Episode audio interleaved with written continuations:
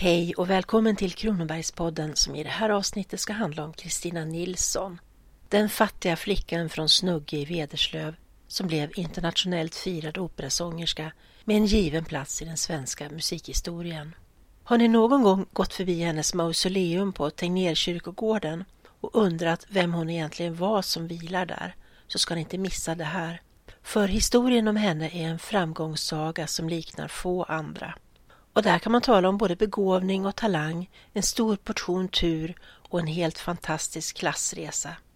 Kristina Nilsson är helt enkelt en av Växjös allra största kändisar genom tiderna. Hon föddes år 1843 som den yngsta av sju syskon. Hon var sladdbarn och hela sju år yngre än sin yngste bror.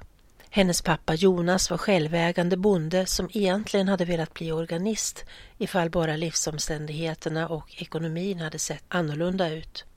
Istället tvingades han sälja sin gård och bli först arrendator under Huseby bruk och när han ändå inte klarade arrendet vräktes familjen och fick flytta till Lövhult lite längre söderut där han blev dagsverkskar eller rätt och slätt statare.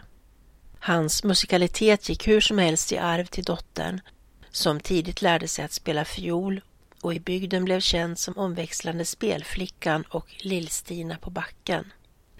För att hjälpa till med försörjningen extra knäckte hon som grindvakt och redan som åttaåring var hon musikant vid bröllop och andra festligheter. Hon spelade fiol och sjöng på marknader och auktioner, på dansgillen, gästskiva gårdar och till och med krogar. Hon var en kavat och orädd pojkflicka som hellre musicerade än hjälpte till hemma med hushållsarbetet. Men hon svarade sin mor när denna bannade henne för lättja. Isa inte var enveten mor. Jag blir aldrig någon bompia ändå. Och hennes snälle far, som ofta stod henne i försvar, sade. Var snäll mot henne mor. Den flickan blir det något av. Hon började uppträda tillsammans med Björn och positivägaren Kalle Kruse som hade ett nöjesetablissemang. Och tillsammans sjöng de duetter eller så sjöng och dansade Kristina och ackompanjerade sig samtidigt på fiol. Men det var i Ljungby som hon upptäcktes på riktigt då häradshövding Fredrik Tornerhjelm från Halmstad år 1857 fick höra henne och erbjöd sig att bekosta hennes musikaliska utbildning. Han fick tillåtelse av hennes föräldrar att ta henne med till hemstaden och få sånglektioner av den kvinnliga musikpedagogen Adelaide Valerius. Och musiklektioner fick hon av ingen mindre än den tjeckiske kompositören Bedrich Smetana som under denna tid verkade som dirigent för Harmoniska sällskapet i Göteborg. Tornerhjelm och en vingrosshandlare Rudolf Kock bekostade hennes studier och uppehälle. Här följer 14 år tror jag visst att jag var som kom att bli något av hennes signaturmelodi under alla hennes framträdanden. Den framförs av Ingegerd Björklund, själv operasångerska som har ägnat sin doktorsavhandling åt en biografi över just Kristina Nilsson.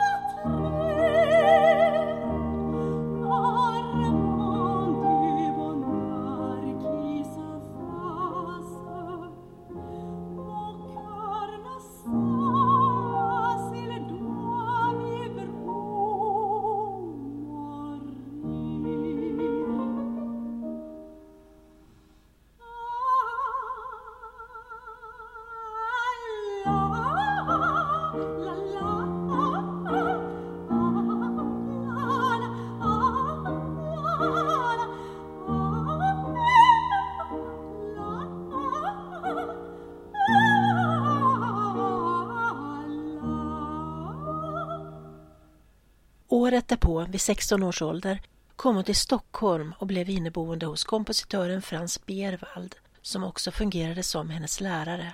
Snart fick hon debutera inför publik genom att sjunga bland annat arior ur Figaros bröllop. Och det var inte vilken publik som helst utan där satt drottning Josefina, enkedrottning Desideria, prinsessan Eugenie, prins Oscar och många andra förnäma gäster. Prins Oscar, som senare skulle bli kung Oscar II, kom att bli en trogen vän till Kristina och en livslång gynnare av hennes musik. För honoraret hon fick skickade hon 100 kronor till föräldrarna så att de skulle kunna köpa sig ett par kor. Och Berwald skickade henne tillsammans med ett stipendium från kung Karl XV för vidare utbildning till Paris. Där debuterade hon fyra år senare, 1864, vid 21 års ålder som Violetta i Verdis opera La Traviata med den franska kejsarfamiljen som åhörare. Det finns dessvärre inga ljudinspelningar med Kristina Nilsson. Ljudupptagningskvaliteten under en tid då hon levde var inte den allra bästa och hon ansåg inte att inspelningar förmedlade röstens rätta uttryck. Hon vägrade helt enkelt att låta sig spelas in. Det som står oss till buds är istället beskrivningar av hennes röst och sång. Hennes sopranstämma var enligt uppgift både ovanligt mjuk och böjlig, vilket gjorde den hög och fyllig och med rika skiftningar. Stämman beskrivs som ren och mild och behärskade tre oktaver av vilka särskilt de höga tonerna var beundransvärda och rent briljanta. En fransk kritiker tog till uttrycket eldslågor som sprutar fram ur snövulkaner. Också hennes lägre toner beskrevs som attraktiva och lätt beslöjade. Kristina Nilsson själv sa att man måste vara stark, djuriskt frisk och stark för att kunna sjunga en opera till slut. Hon var också en mycket uthållig sångerska. Från att ha haft en sval kyla i sitt spelsätt arbetade hon efter några år in en sådan lidelse och passion i sitt skådespeleri att själva gestaltandet blev minst lika viktigt för henne som sången. Hon gick fullständigt in i sina roller och gav sitt allra bästa. Särskilt omtalade rolltolkningar gjorde hon som Marguerite i Gounods Faust, som skulle bli en av hennes paradroller, samt Ofelia i Ambroise Thomas Hamlet och Nattens drottning i Mozarts opera Trollflöjten. Särskilt den sistnämnda menar man att hon genom sin gestaltning helt och hållet förnyade. Piotr Tchaikovsky recenserade hennes framträdande under hennes senare gästspel i Ryssland och gav inte bara en detaljerad beskrivning av hennes röst utan anvisade henne också första platsen bland de samtida levande operasångerskorna. Men vid sidan av hennes imponerande sång fanns också andra faktorer som medverkade till hennes framgång. Hon hade en stark personlighet, attraktionskraft och magnetism. Allt hon framförde vilade på hennes egna starka individualitet och personlighet. Hon hade en genial intuition och enastående förmåga att tolka musiken i minsta detalj. Hon var också en skicklig skådespelerska som interagerade med sitt vokala framförande. Och därtill var hon helt enkelt vacker. Hennes blekmatta och krusvågiga hår, lysande, intensivt stålblå ögon och raka näsa förlänade henne en skönhet som i fråga om klassisk åtfullhet närmast är att likna vid en annan mer sentida svensk celebritet, nämligen Greta Garbo. Hon blev sin tids sinnebild för ett nordiskt skönhetsideal. Hon hade också viljekraft, ett gott läshuvud, ett bra intellekt och en hjärtevinnande charm. Hon älskade att iklä sig juveler. Hon kunde ha fem rader pärlor om halsen och diamanter både i håret och på skospännena. Hemma i Sverige menade kritiska röster att hon var kall, hjärtlös och beräknande och inte längre brydde sig om sitt hemland. Man jämförde henne också med Jenny Lind som föddes drygt 20 år tidigare och som var känd för sin stora humanitära givmildhet. I Kristina Nilssons fall tycks det ha varit så att hon hellre bjöd på sin närvaro och sin musikaliska scenkonst än lättade på börsen. Ändå var det allmänna omdömet om henne att hon var rejäl, genuin och hederlig och helt och hållet sig själv. Detta ändrades inte trots hennes enorma framgångar. Hon var varken övermodig eller mottaglig för fjäsk. Hon lär också ha haft ett gott humör och ett omedelbart sinne för humor. 1865 reste hon hem till Småland på besök. Människor skockades på perrongen och hon roade sig kungligt på fest i Växjö rådhussal och öppnade balen i en magnifik ljusblå sidenklänning. Men sjöng också från orgelläktaren i Skatelövs kyrka Davidsalmen nummer 42 Så som hjorten träget längtar i en tonsättning som hade gjorts enkomt för henne i Paris. Här sjunger Ingegerd Björklund den salmen.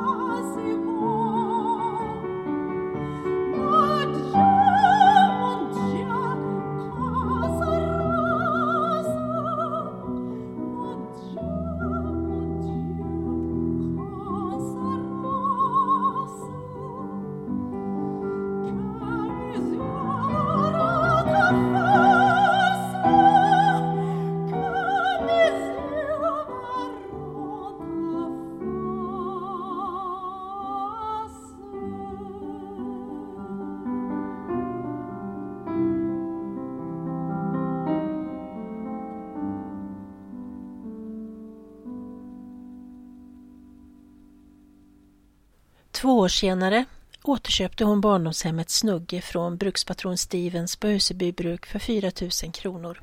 Hon uppträdde också i London och förärades ett dyrbart armband av drottning Victoria. Enligt uppgift det 101 armbandet som hon fått i gåva vid liknande tillfällen.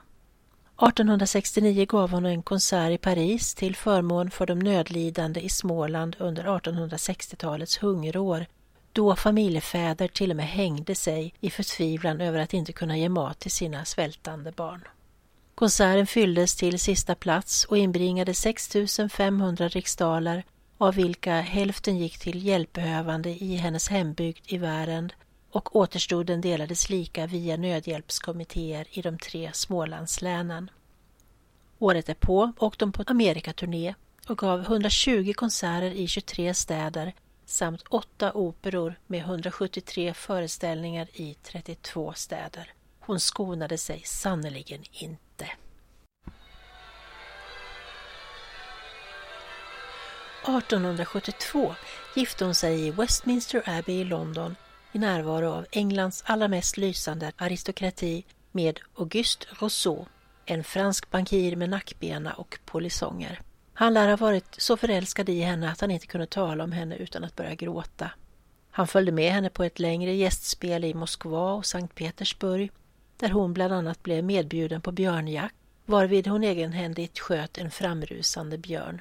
Vid sitt bejublade framträdande vid avskedsföreställningen i Sankt Petersburg erhöll hon ett hängsmycke i guld och silver, smaragder, briljanter och rosenstenar som senare donerades till Nationalmuseum i Stockholm, blev stulet därifrån och därefter sålt till Schweiz.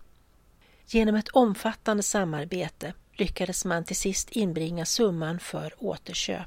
Idag finns detta vackra Kristina Nilsson-smycke till beskådande på Smålands museum och nyligen utkom boken Juvelarian, historien om Kristina Nilssons smaragder av Kristina Mattsson där man kan läsa om detta konsträttsfall.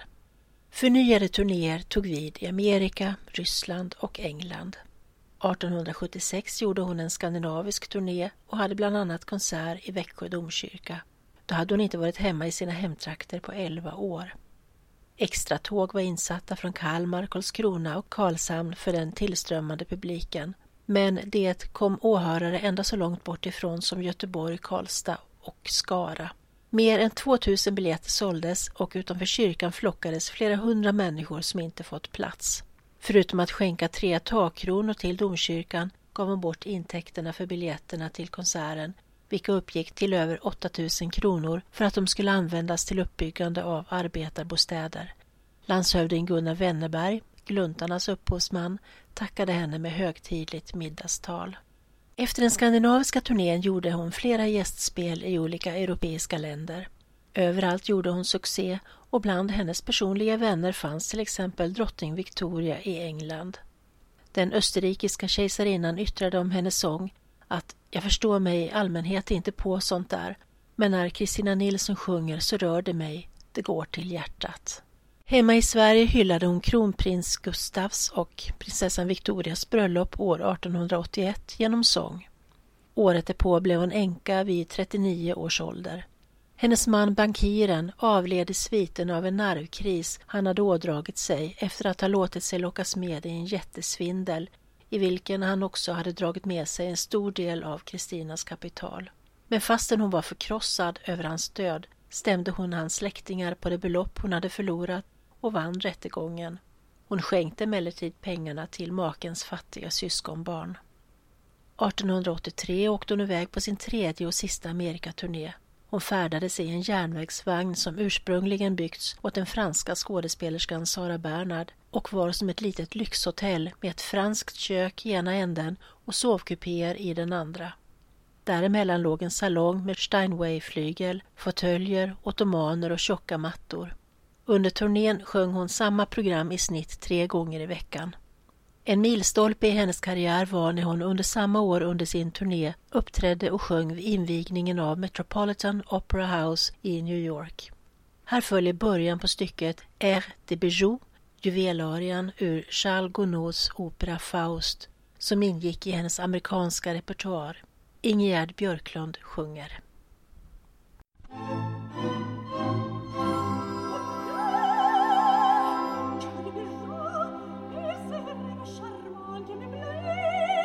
Música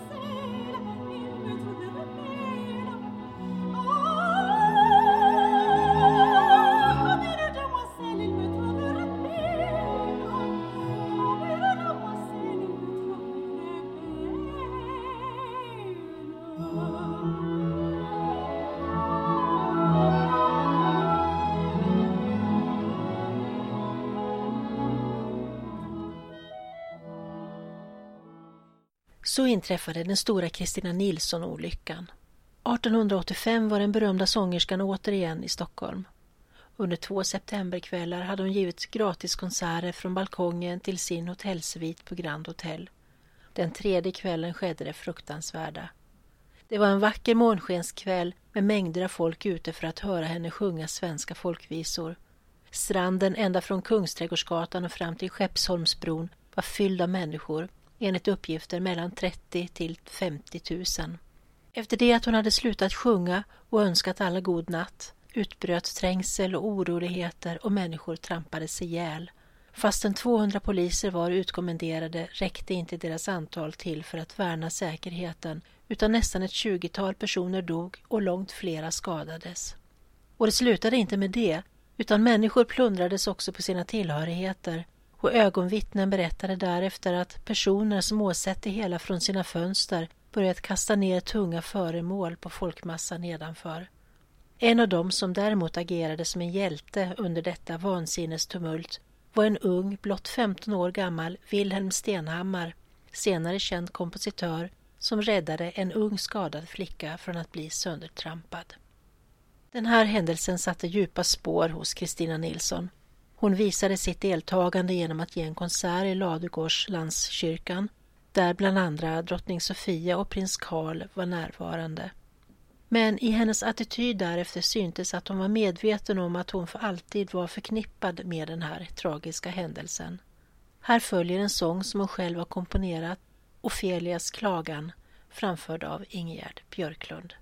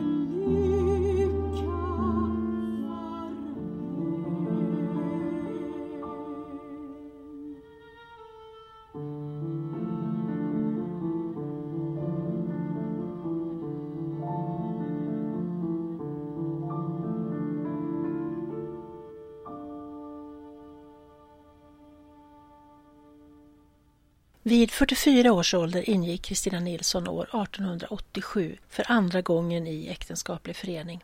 Den här gången med den 11 år äldre spanjoren och diplomaten greve Angelo de Casa Miranda, anställd vid den spanska ambassaden i Paris. De gifte sig i samma stad i Paris och i samband med giftermålet upptog Kristina grevens 20-åriga dotter Rosita som sitt eget barn. Kristina hade varit god vän med grevens engelska hustru och när hon dog föll det sig naturligt att hon blev som en andra mor för dottern. Varefter känslor började spira mellan Kristina och Rositas far. Och året därpå, 1888, gav hon två avskedskonserter i Royal Albert Hall i London där hon hade uppträtt vid 279 tillfällen i 17 olika roller. Kritikerna menade att hennes röst aldrig hade klingat så klar och skön som vid dessa tillfällen. Då var hon 45 år gammal och hade sjungit på alla stora scener i Europa och USA. 1902 blev hon åter änka. Hon började besöka hemlandet oftare. Hon hälsade på släktingar, reste till Stockholm, drack brunn i Loka och såg på fastigheter eftersom hon planerade att slå sig ner på sin ålders höst här hemma. Hon ville inte lämna kvar sina gamla ben i Spanien, som hon uttryckte det. Det finns ett foto av henne där hon sitter på en strand vid Medelhavet i Menton i sydöstra Frankrike där hon hade en av sina bostäder nära den italienska gränsen.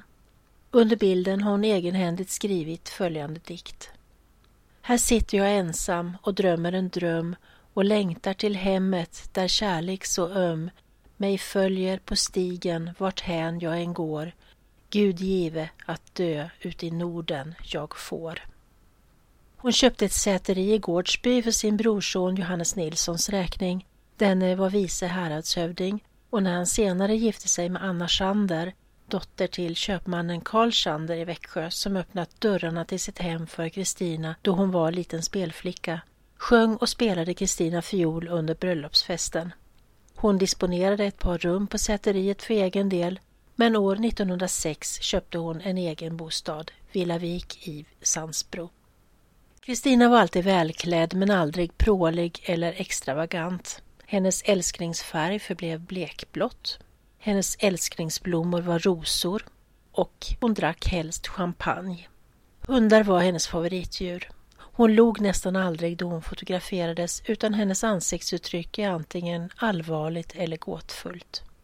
1913 firades hennes 70-årsdag med bland annat spelmanstävling i Växjö där hon själv var en av jurymedlemmarna.